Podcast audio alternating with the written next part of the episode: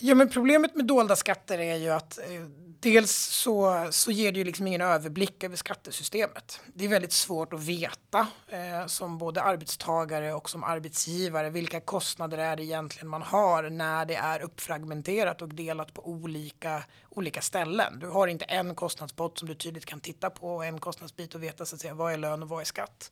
Eh, och det gör det onödigt krångligt. Eh, sen är det något som såklart alla arbetsgivare vänjer sig vid väldigt fort men det är fortfarande någonting som gör det onödigt krångligt. Eh, men det är också ett demokratiskt problem för att det medför ju att de flesta medborgare och arbetstagare i det här landet betalar ju väldigt mycket mer i skatt än vad de tror att de gör. Eh, och då får man en bild av att skatterna är lägre än vad de är eh, och att därmed resurserna till det offentliga är mindre än, än vad det är. Och i realiteten så är ju skatteintäkterna och skatterna på lön väldigt mycket högre än vad de flesta tror.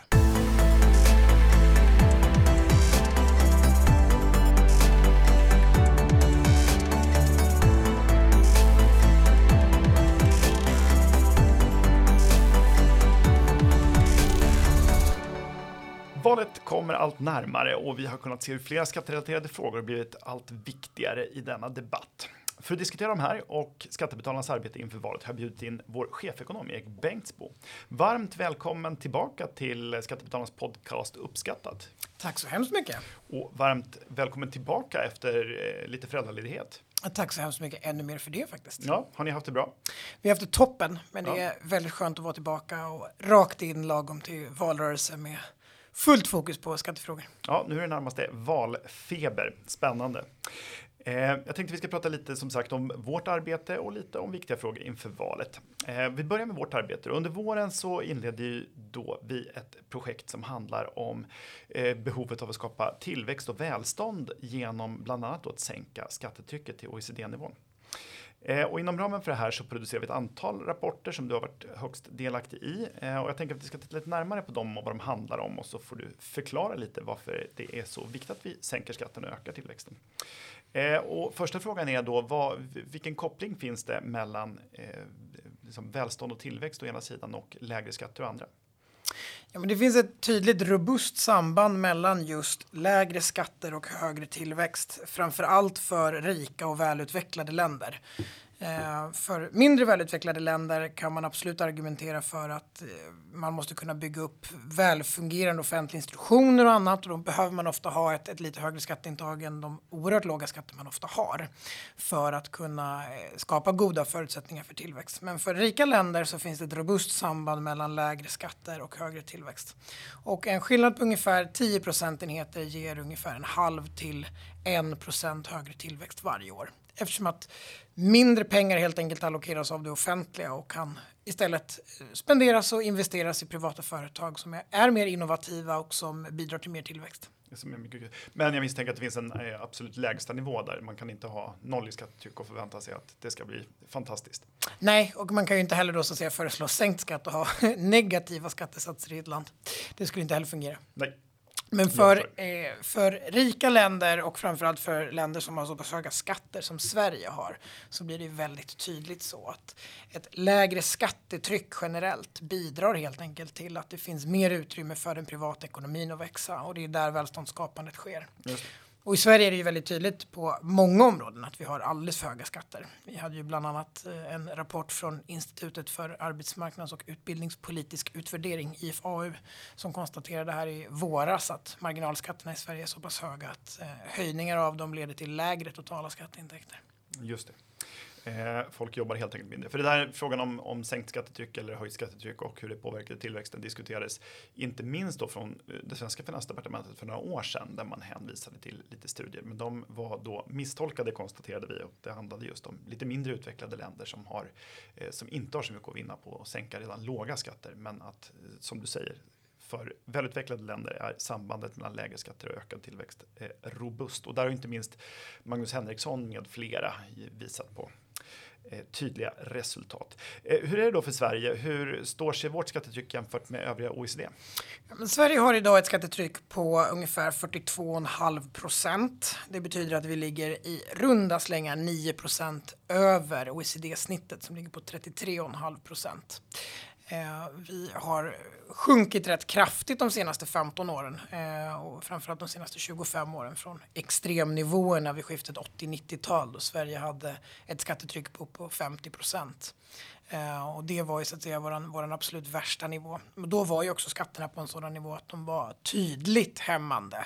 Eh, både för folks vilja att arbeta men också för, för konkurrenskraften för svenska företag och eh, skadade ju både vår tillväxt och på lång sikt vårt välstånd väldigt, väldigt tydligt. Och det var ju också därför som man la om skattepolitiken så radikalt i Sverige. Det fanns ju också en bred politisk samsyn kring det. Man hade helt enkelt kommit till, till vägs ände med den högskattepolitik som man Eh, slog in på i Sverige under 60-talet. Mm, just det, och både borgerliga och socialdemokratiska regeringar sänkte faktiskt skatter och inte minst en hel del skadliga sådana som arvs och gåvo och förmögenhetsskatterna.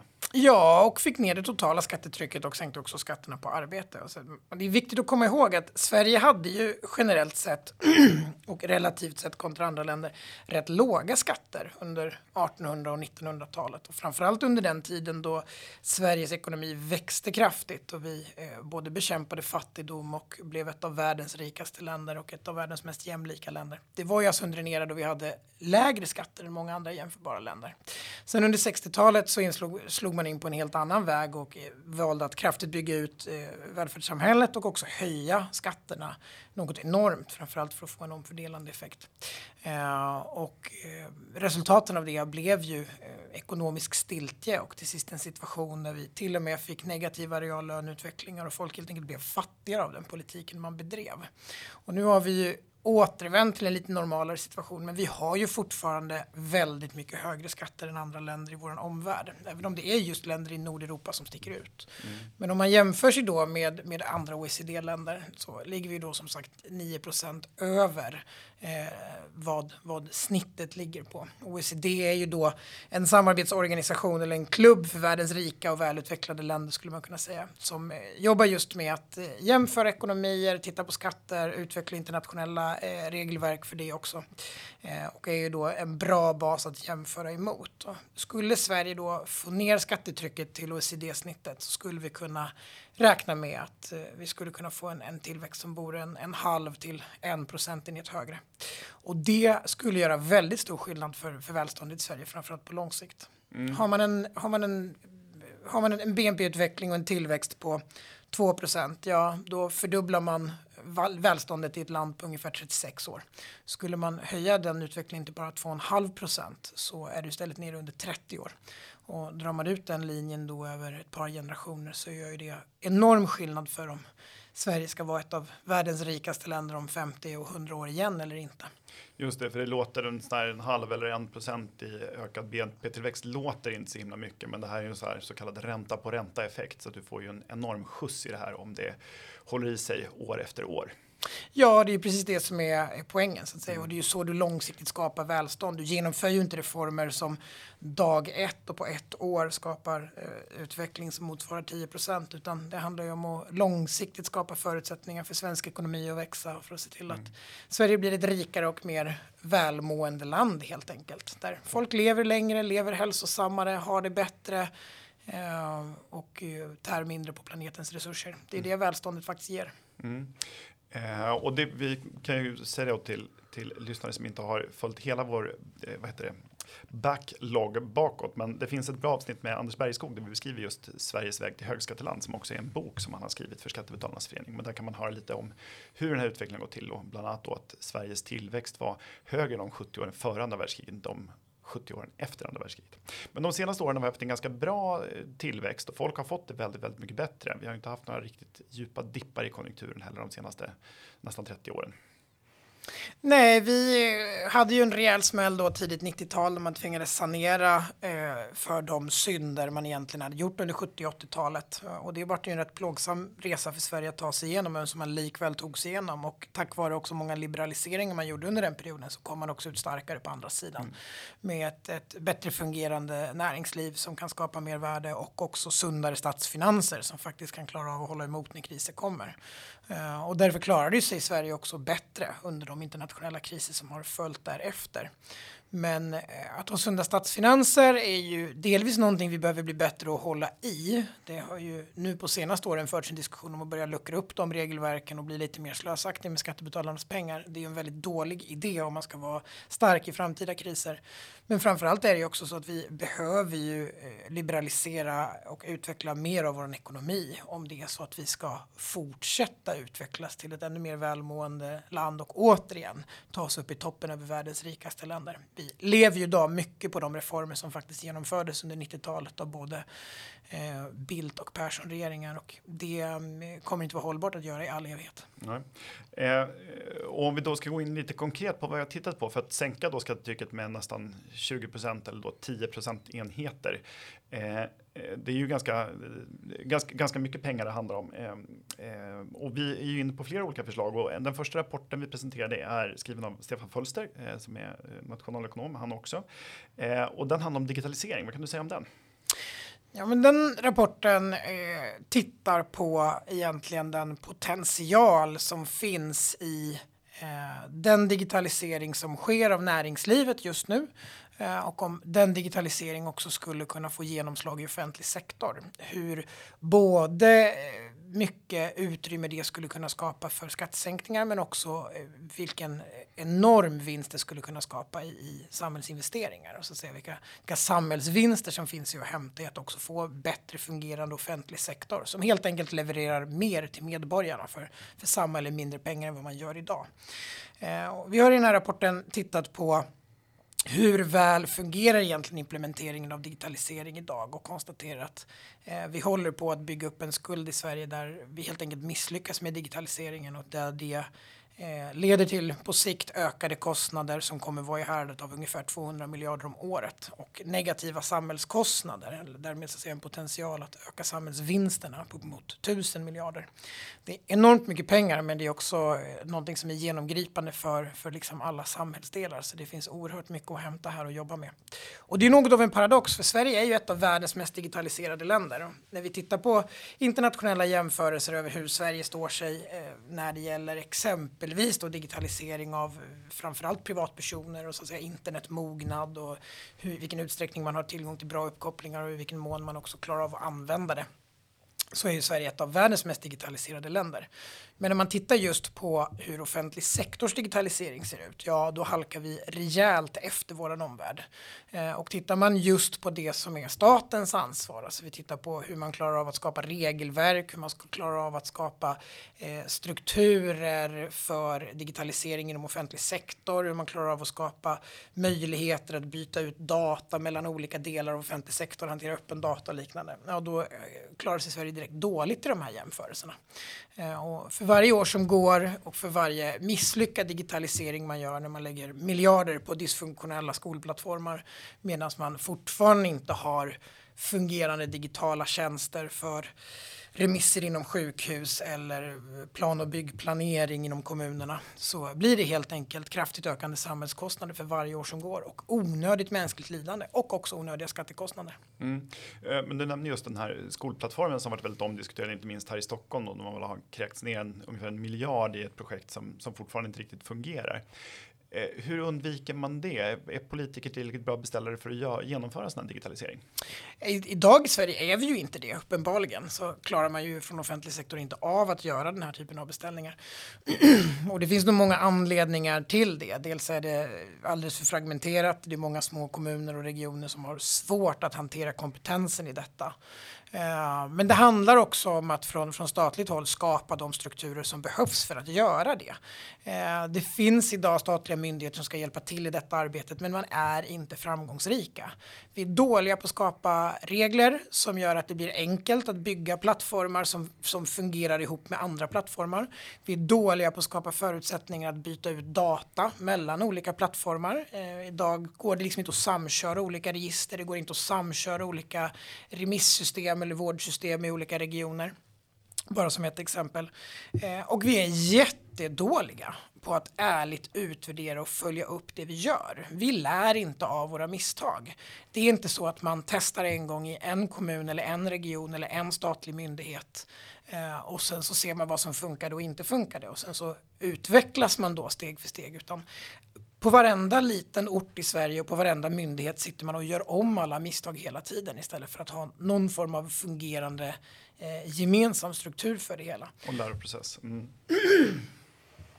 Och där mycket handlar just om att man, man utvärderar inte det man gör. Skolplattformen i Stockholm är ju ett, ett famöst exempel för att det handlar om så oerhört mycket pengar. Men det är långt ifrån det enda. Det finns flertalet, både statliga och kommunala, just plattformar man har byggt upp för allting från skola till socialtjänst till inventering av allt möjligt som aldrig används för att de blir inte funktionella nog. Behöver vi en eh, digitaliseringsstrategi?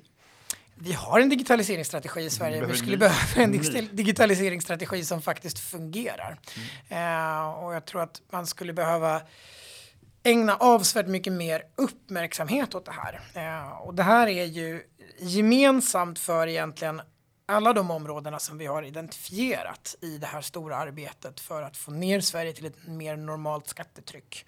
Ehm, att det handlar just om rätt stora kostnader, rätt stora områden där helt enkelt intresset från den politiska ledningen har varit alldeles för litet mm. och därför är man också alldeles för dåliga på det. Man följer inte upp eh, och man klarar inte av att leverera. Eh, och jag tror det finns en, en, en självbild i Sverige av att här, vi sticker ut i OECD för att vi har så Eh, så ambitiös välfärdspolitik. Och det är ju inte sant. Vi lägger inte så mycket mer än jämförbara länder när det gäller just det som är välfärdens kärna. Utan det är just så att säga våra, våra omkostnader runt omkring och våra kostnader för social omsorg som faktiskt är det som sticker ut. Mm. Nej, men, och om man ska bli konkret i digitaliseringen så för fyra år sedan så gav vi ju eh, priset till Helmer Fredrikssons minne. Eh, det delades också ut i år då till Eh, de, den alternativa skolplattformen och till Inga-Britt Ahlenius för deras arbete för, för minskat slöseri med skattepengar. Men för fyra år sedan så fick eh, Cecilia Lejon som, som ansvarade för att eh, socialtjänstens eh, bidragsansökningar skulle skötas digitalt och där man kortade väntetiden, minskade kostnaderna och, och allt, allting blev mycket både billigare och bättre, inte bara för kommunen utan också för för medborgarna. Det gick mycket fortare att få ett besked därför att de flesta beslut går att automatisera. De är så enkla. Ja, och det handlar dessutom om sådana oerhört stora volymer när det gäller offentlig sektor att, att man, man tappar nästan begreppen när man börjar räkna på det. Alltså ta bara någonting sånt som, som hantering av bygglov i Sveriges kommuner där det i stor utsträckning fortfarande är någonting som ska skötas manuellt. Och det är, sitter handläggare på kommunen, det sitter privatpersoner hemma, det sitter byggherrar, det sitter byggkonsulter eh, och ritar på pappersritningar eller bär, begär ut kartor från Lantmäteriet eller kommunen, sitter och gör justeringar i dem, postar eller mejlar dem fram och tillbaka. Det är enorma ledtider, det är enorma väntetider, det är en enorm hantering när egentligen allt underlag som krävs för att rita till en tillbyggnad eller en justering av en tomt finns digitalt och skulle vara möjligt att göra direkt i en dator på en karta. Uh, och man tänker så här, ja men hur mycket, hur mycket pengar handlar det om? Ja men börja räkna på timlönen för en kommunal mm. uh, bygglovshantering uh, och räkna dessutom med alla omkostnader och all tid som går och därmed alla samhällskostnader för privatpersoner som sitter med det. Så summerar det snabbt upp till flera miljarder varje år. Mm. och det är just i den riktningen man måste tänka.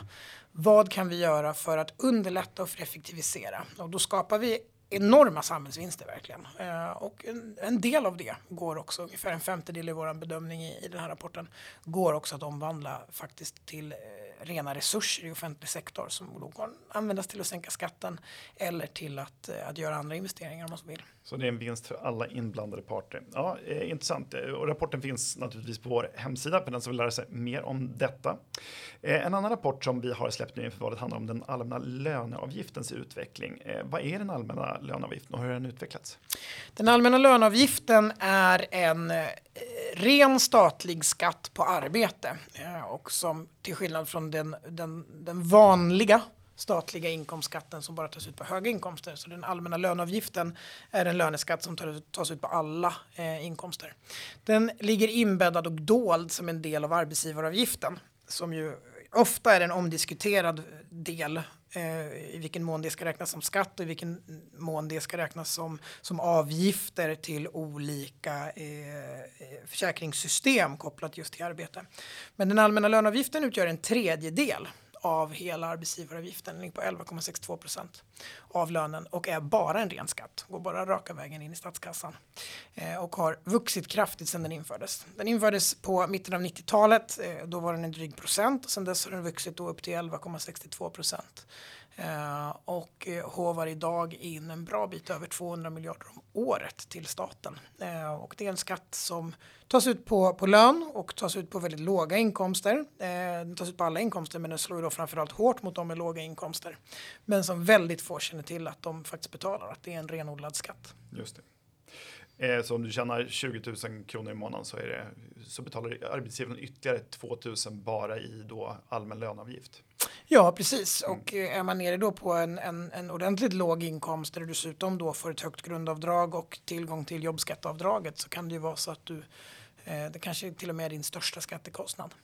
Eh, och vad är det för problem med de här dolda skatterna då? Som medborgarna märker? Ja, men problemet med dolda skatter är ju att dels så, så ger det ju liksom ingen överblick över skattesystemet. Det är väldigt svårt att veta eh, som både arbetstagare och som arbetsgivare vilka kostnader är det egentligen man har när det är uppfragmenterat och delat på olika, olika ställen. Du har inte en kostnadspott som du tydligt kan titta på och en kostnadsbit och veta så att säga vad är lön och vad är skatt. Eh, och det gör det onödigt krångligt. Eh, sen är det något som såklart alla arbetsgivare vänjer sig vid väldigt fort men det är fortfarande någonting som gör det onödigt krångligt. Eh, men det är också ett demokratiskt problem för att det medför ju att de flesta medborgare och arbetstagare i landet betalar ju väldigt mycket mer i skatt än vad de tror att de gör. Eh, och då får man en bild av att skatterna är lägre än vad de är eh, och att därmed resurserna till det offentliga är mindre än, än vad det är. Eh, och i realiteten så är ju skatteintäkterna och skatterna på lön väldigt mycket högre än vad de flesta tror. Mm. Ja, och Svenskt Näringsliv har väl uppskattat vid någon undersökning att över 90 procent underskattar hur mycket de betalar i skatt. Ja, och resultatet blir då såklart att då, då eh, blir det svårt att fatta välavvägda beslut som medborgare, inte minst nu när man ska gå och rösta kring så att säga, hur resurser ska fördelas eh, inom offentlig sektor när man inte vet hur stora resurserna faktiskt är och vilka kostnader det faktiskt handlar om. Ja, det är väl Thomas Sowell, den amerikanska eh, samhällsvetaren och debattören som har konstaterat att välfärdsstaten är det äldsta tricket i boken. Det är, först tar man, i, tar man ifrån folk deras pengar diskret och sen så delar man ut dem tillbaka eh, väldigt flamboyant. Det vill säga, man ser inte hur mycket man betalar men det är väldigt tydligt vad man får vad man får tillbaka. Eh, intressant detta och denna rapport finns också naturligtvis på vår hemsida. Eh, vi har eh, också släppt en annan rapport med, om ett annat problem eh, som visar att bidragen har höjts med 22 miljarder den gångna mandatperioden. Va? Ja, det stämmer. Vi har gjort en granskning av hur, eh, eh hur regeringen har skött sitt arbete de senaste fyra åren och valt då att titta på just vilka kostnader har ökat kopplat till bidrag och ersättningar till människor som inte arbetar. Eh, och det handlar om 22 miljarder i höjda kostnader eh, som då skattebetalarna ska bära varje år framgent, men som har uppkommit under den här mandatperioden. Och det handlar om höjda kostnader för, för a-kassa, det handlar om höjda kostnader för sjukersättning och det handlar också om eh, höjda, omkostnader, eller höjda kostnader för, för olika omställningsstöd och friår och liknande för människor. Eh, och förutom att det här är väldigt dyrt för skattebetalarna, vad får det för andra konsekvenser?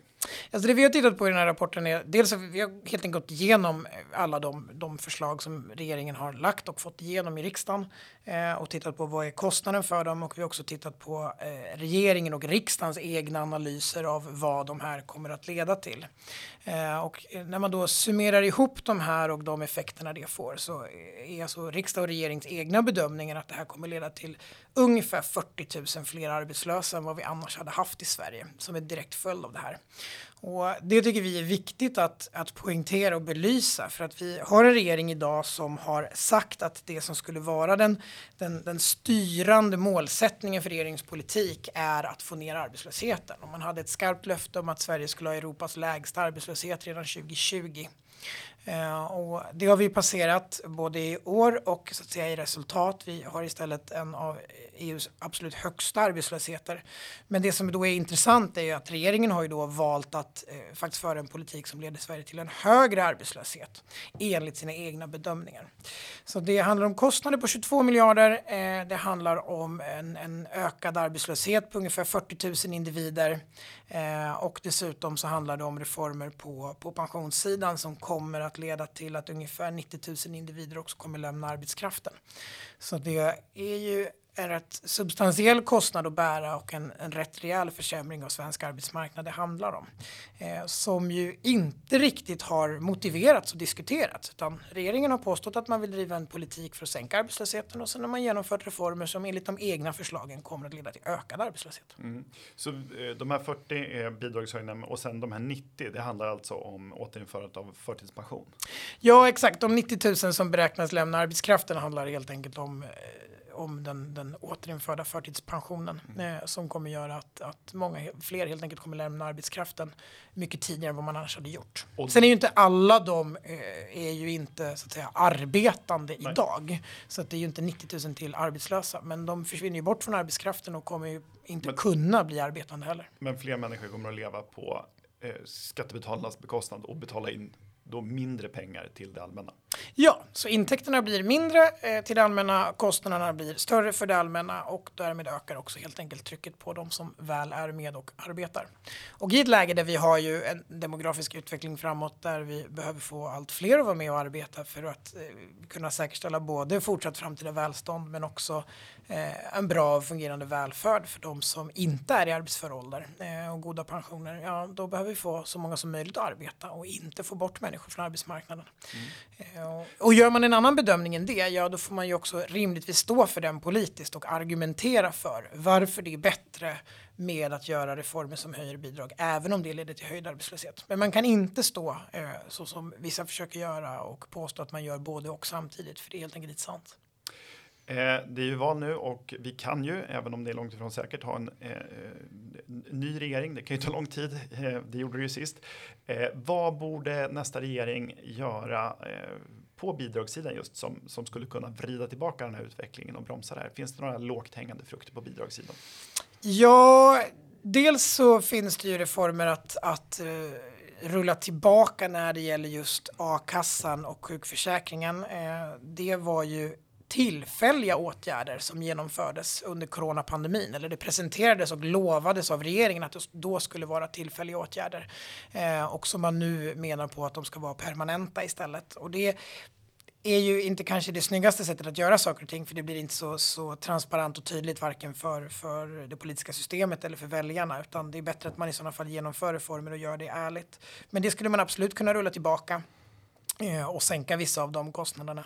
Men framförallt så skulle man ju behöva titta på, på helheten av bidrag och beskattning, framförallt för människor som har eh, relativt och ordentligt låga inkomster. Eh, det finns många människor idag som eh, gärna skulle vilja arbeta men som har svårt att hitta ett arbete och som framförallt har svårt att hitta ett arbete som ger lika hög lön efter skatt som de ersättningar man får.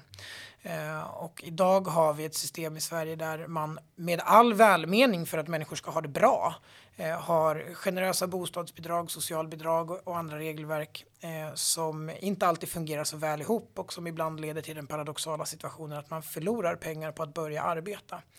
Eh, och det är ju inte funktionellt utan man skulle behöva hitta en ordning där man antingen styr om de systemen så att det alltid blir mer lönsamt att arbeta eller att man hittar flexibla lösningar i de systemen där du helt enkelt oavsett din bidragsnivå alltid tjänar mer på att börja arbeta för att få in människor i arbete helt enkelt. Ehm, det är den änden som, som det behöver göras absolut störst förändringar. Sen behöver det också göras skatteförändringar i, genom hela inkomstbandet för att se till att människor vill och kan arbeta mer mm. och få upp antalet arbetade timmar och få in fler människor i ekonomin eh, för att faktiskt se till att vi får ett ökat välstånd också i framtiden. Just det. Eh, och där har ju på andra sidan då visats att, att eh, staten inte, inte tjänar på högre marginalskatter på höga inkomster. Det är en undersökning som inte vi har gjort men som, som är ganska ny. Nej men exakt, IFAU tittade ju då på här i våras, den senaste reformen man gjorde av jobbskatteavdraget och konstaterade att marginalskatterna på höga inkomster i Sverige är idag så pass höga att det eh, finns ingenting att hämta i att höja skatten för människor som har relativt höga löner. Utan då jobbar man helt enkelt så pass mycket mindre att det blir en, en, en dålig affär för offentlig sektor. Man får helt enkelt in färre kronor i skatteintäkter om man höjer skatten med en procent. Um, och det finns snarare då fog eh, att tro att om vi till och med skulle kunna sänka marginalskatterna eh, för, för de med höga inkomster, exempelvis genom att helt slopa den statliga inkomstskatten, eh, så skulle det leda till både ökade skatteintäkter, eh, men framför allt på sikt enormt mycket ökade skatteintäkter för att det skulle också frigöra fler arbetstillfällen. Eh, och för att hitta de här medlen då för att sänka skatten så har vi tittat på ytterligare, eller kommer att titta på ytterligare ett område. Vi släpper här under hösten en rapport om Eh, näringslivsstöd. Eh, och utan att föregripa eh, alla detaljer i den, vad, vad handlar den här om? I den här rapporten så har vi tittat på vilka bidrag och stöd staten betalar ut till olika företag i, i form av omställningsstöd och andra stöd och åtgärder. Eh, och det är en, en myriad av olika stöd som det finns att söka eh, och de har väldigt mycket olika utformning. Men om man tänker på Sällskapsresan 2, Snowroller-filmen. Vi ber om ursäkt till våra yngre lyssnare. ja, eller så är det en konsumentupplysning till de yngre lyssnarna om att här har de någonting att hämta. En del av det svenska kulturarvet. Exakt. Ja. Så inleds ju den med att eh, eh, man då från, från nuvarande Tillväxtverket gör besök på en, en liten spark barkfabrik uppe i Norrland som ska ställa om att göra skidor. Och anledningen till att man vill göra den här omställningen är helt enkelt bara att man vill få statliga bidrag för att göra omställningen. Och vi har tittat på hur betalas de här bidragen ut? Vilken typ av stöd är det och vilken effekt effekt får de? Eh, och det vi kan konstatera, utan att föregripa rapporten, eh, för jag kan varmt rekommendera att läsa den, så kan vi konstatera att resultaten av de här stöden är ytterst minimala. Eh, det finns fog att påstå att det inte finns någon positiv effekt överhuvudtaget av de här stöden på en ackumulerad nivå.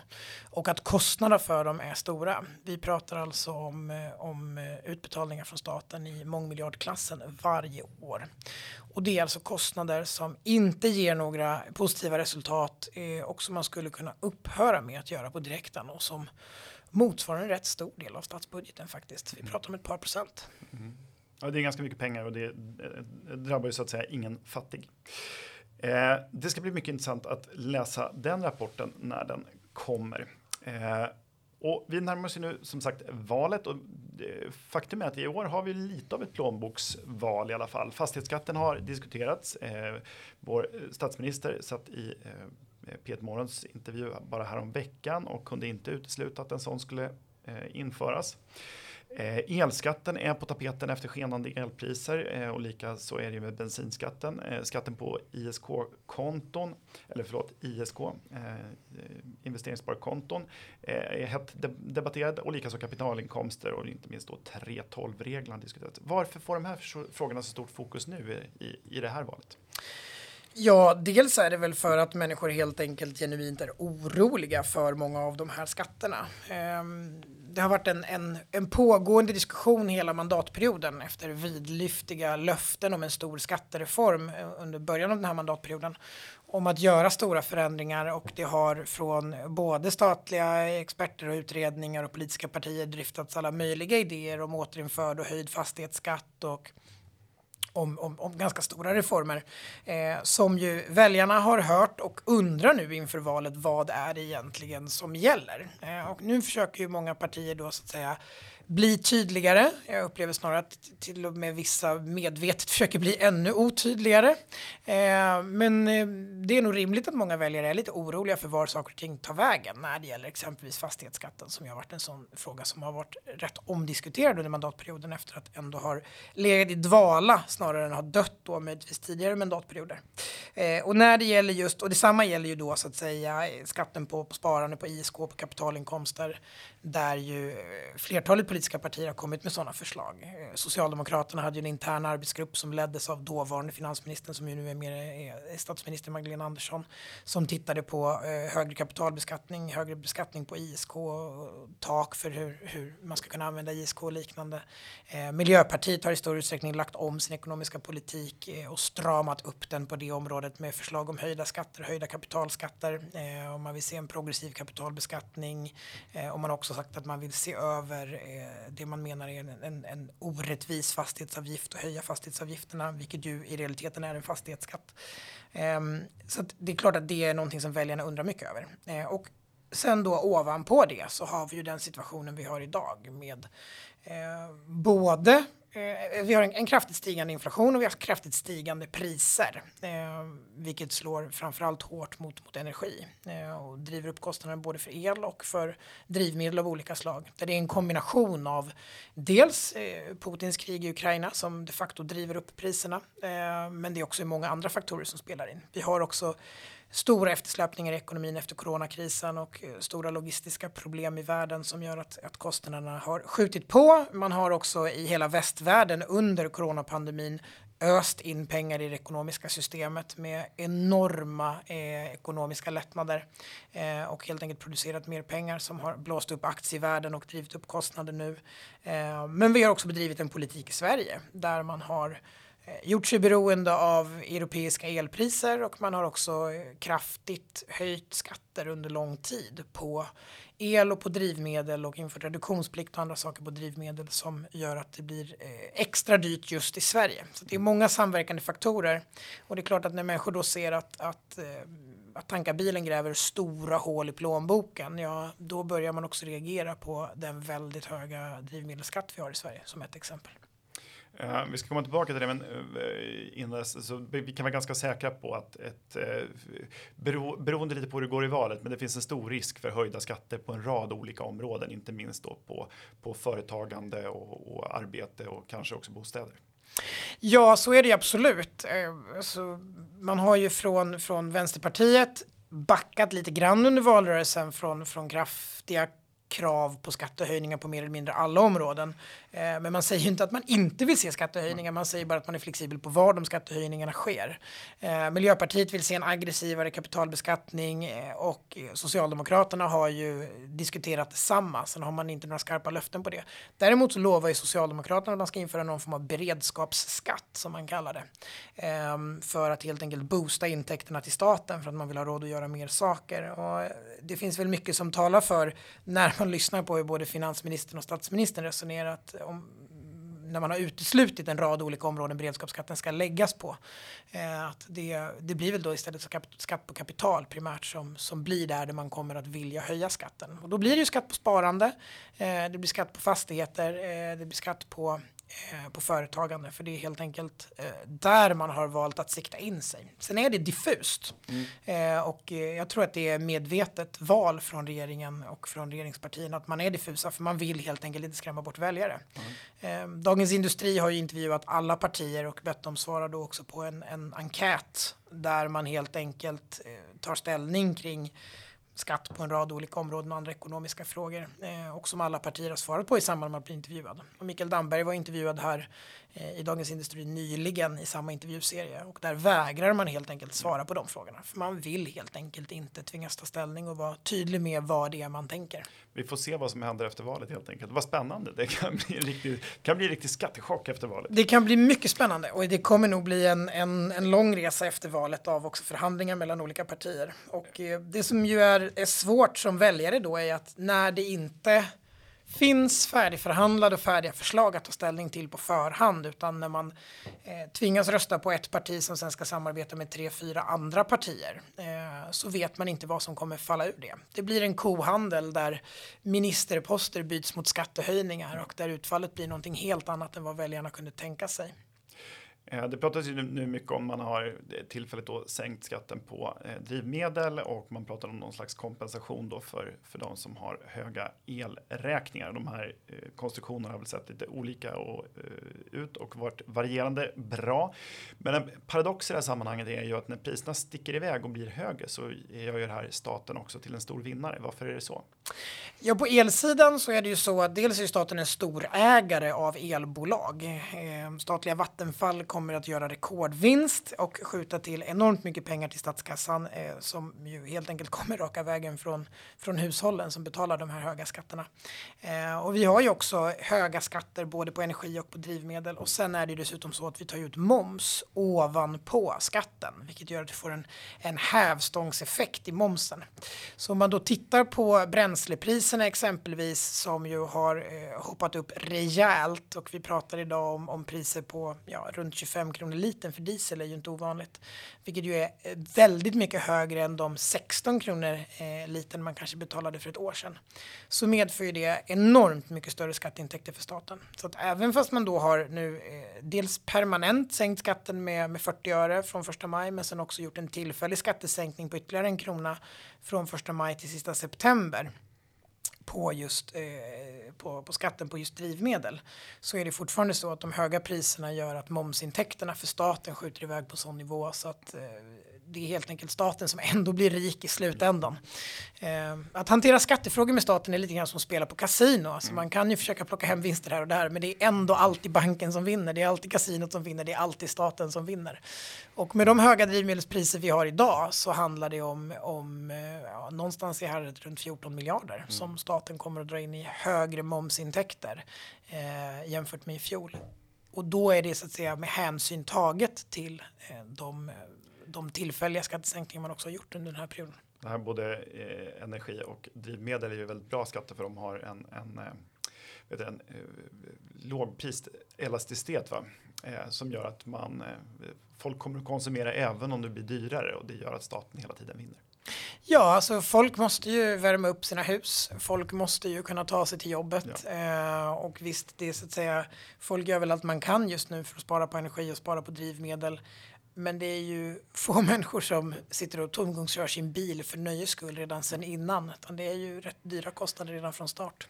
En annan sån sak som har diskuterats är ju ISK som vi var inne på, eh, alltså investeringssparkonton som ju är en sparform där man då löpande beskattas för sitt innehav snarare än då när man säljer eh, och betalar reavinstskatt. Eh, nu finns det ju risk att den här skatten höjs då därför att statslåneräntan kommer att gå upp. Eller hur? Ja, ISK, skatten på ISK är ju då så att säga schablonmässig och den är ju då statslåneräntan och sen ett påslag på den, vilket gör att när statslåneräntan eh, ökar så ökar också skatten på ISK.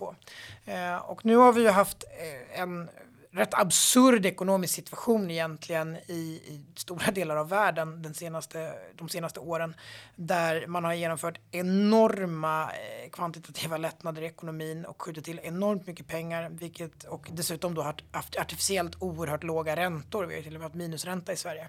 Och det har ju skapat en situation där börsvärden har blåsts upp och räntor bland annat då så att säga eh, därmed skatten på ISK har hållits ner. Eh, och nu återgår vi till en mer normal situation, vilket gör att vi kommer se en situation där människors sparande kommer att minska, avkastningen på det kommer att bli lägre och eh, skatten på ISK kommer att öka. Så det blir en, en dubbelsmäll för de som, eh, som eh, har lagt mycket investeringar i ISK och som, som eh, lägger stor vikt vid det. Um, och samtidigt så talas det väl inte minst från nuvarande regeringshåll ganska mycket om att man ska också höja skatten utöver det. Ja, man har ju höjt skatten under den här regeringsperioden också eh, på ISK eh, och det finns väl anledning att fundera på om det verkligen var en bra idé. Eh, och det, ISK-skatten framstår ju som låg när man tittar på den schablonmässigt, men det är ju också en skatt som tas ut på hela värdet, inte mm. bara den vinsten du har gjort. Och skatten tas ut även om värdet går ner. Exakt. Så att du kan ha en förlustresa och ändå tvingas betala skatt medan staten alltid får sina skatteintäkter. Så all risk förflyttas över till den enskilde men med fördelen då att det blir enklare. Och, och det är ett ehm. läge när vi skulle behöva ytterligare investeringar i företagande Ja, som, som ju ISK är, alltså man investerar i, i företag. Absolut, och dessutom finns det ju ett stort värde i att folk också bygger upp en egen ekonomisk trygghet ja. istället för att vara beroende av allmosor från politiken. Exempelvis när drivmedelskostnader eller levnadsomkostnader skjuter i höjden så att säga. Istället för att man då tvingas ropa efter politiken på hjälp så vore det bättre om folk hade ett ordentligt sparkapital så att man helt enkelt klarar sig genom livet. Men det är ju eh, flera av de flera av partierna i regeringsunderlaget vill ju gärna se en höjd skatt på ISK. Socialdemokraterna säger ju nu att man inte vill det. Jag noterade att Mikael Damberg i den senaste intervjun om ISK konstaterade att nej, det är en, en, en ypperlig och enkel sparform som man absolut inte bör förändra. Men det ju, har ju inte gått ett år sedan Socialdemokraterna själva föreslog internt att man skulle både höja skatten på ISK och lägga ett takbelopp på ISK. Så det är ju lite svårt att veta var Socialdemokraterna egentligen står i den här frågan. Eh, och finansministern vill ju säga, nej men jag har ju varit jättetydlig idag. Ja, men problemet om man sa något annat igår ja. så framstår det ju ändå som väldigt oklart. Eh, så det är rimligt att många är, är oroliga och det är inte riktigt bra för svensk ekonomi att eh, företag, att sparare, att investerare, att privatpersoner inte vet vad förutsättningarna är framåt. Alltså det har varit en mandatperiod eh, bakåt som har dominerats av januariöverenskommelsen som har innehållit ur ett ekonomiskt perspektiv en del bra saker och en del dåliga saker. Eh, men problemet blir ju när förutsättningarna är så extremt otydliga för framtiden att det blir väldigt svårt för människor att planera. Eh, och man vet helt enkelt inte vad som gäller. Och då blir det inget bra klimat att spara. Då blir det inget bra klimat att investera. Då blir det inget bra, eh, ingen bra ekonomisk situation att exempelvis investera i att eh, energispara på sitt hus eller att göra sitt, sitt boende mer klimatanpassat. För att man vet helt enkelt inte eh, vilken skatt kommer man få på det sen? Vilka kostnader kommer det medföra? Eh, och då leder det helt enkelt till att istället för att spara och investera i bra saker som är bra för samhället, som är bra för miljön, som är bra för framtiden så väljer man istället att konsumera. Eh, och det är inte det som, som Sverige just nu behöver mest. Eh, hur den går i valet så är vi åtminstone eh, följer det här mycket nära eftersom skattefrågan är på dagordningen och hur den blir så kan det bli en ganska tuff tid framöver. En eh, svår lågkonjunktur kan vara att vänta. Eh, vi kan nog kallt räkna med att det kommer att vara fortsatt höga elpriser, vilket kan bli svettigt i vinter både för företagare och privatpersoner. Så den regering som tillträder, förhoppningsvis då någon gång under hösten, kommer att ha stora utmaningar. Vem, vem vinner valet då? Vad tror du? Det är, det är alltid det svårt att säga. Man inte satsa mycket pengar på det här, va? Nej, det är alltid svårt att säga och särskilt om framtiden som man brukar konstatera. Eh, jag eh, tror att det till och med kan vara så att det blir lite imponerande om vi ens vet det på valnatten. Jag mm. tror att vi ska inte förbereda oss på en, en lika stökig situation som efter förra valet. Men det kommer det är inte nödvändigtvis så att det finns ett, ett, färdigt regeringsförslag klart som har en tydlig majoritet redan på valnatten utan jag tror att man kommer förvänta sig att det kommer bli rätt långa förhandlingar och det kan ta en stund att bilda en regering även efter nästa val. Eh, och just nu är det ju oerhört jämnt. Ehm, och mycket av de frågorna vi diskuterar spretar ju dessutom inom de olika regeringsunderlagen hur man ser på olika frågor. Att få upp en helhet då i den ekonomiska politiken, det kan ta lite tid. Vi kommer ju göra vårt bästa för att hjälpa till alldeles oavsett vilken regeringskonstellation som tillträder så kommer vi försöka sätta de här frågorna fortsatt högt på dagordningen och påverka åt rätt håll kan man säga. Vi får väl anledning att återkomma sen när vi vet lite mer hur det ser ut och när vi kanske har en eh, budget som har presenterats och så där så får vi diskutera den och se vad som händer när vi har ett facit. Eh, men till dess Erik, tack så mycket för att du gästar oss idag. Tackar, tackar. Tre, alltid trevligt att ha dig här. Eh, eh, uppskattat, det är en podcast från Skattebetalarnas förening. Vi arbetar för låga och rättvisa skatter, rättssäkerhet för skattskyldiga och minskat slöseri med skattepengar. Vi bildar opinion och folkbildar i skattefrågan och vi lever som vi lär och tar bara emot frivilliga bidrag. Uppskattar du podden och vill medverka till att Sverige blir ett land med minskat slöseri och rimligare skatter så stödjer du oss enklast genom att bli medlem. Läs mer och bli medlem på www.skattebetalarna.se bli medlem. Tipsa också gärna andra om uppskatt och betygsätt oss gärna och då högt i din poddlyssningstjänst. Till nästa vecka, ha det så bra!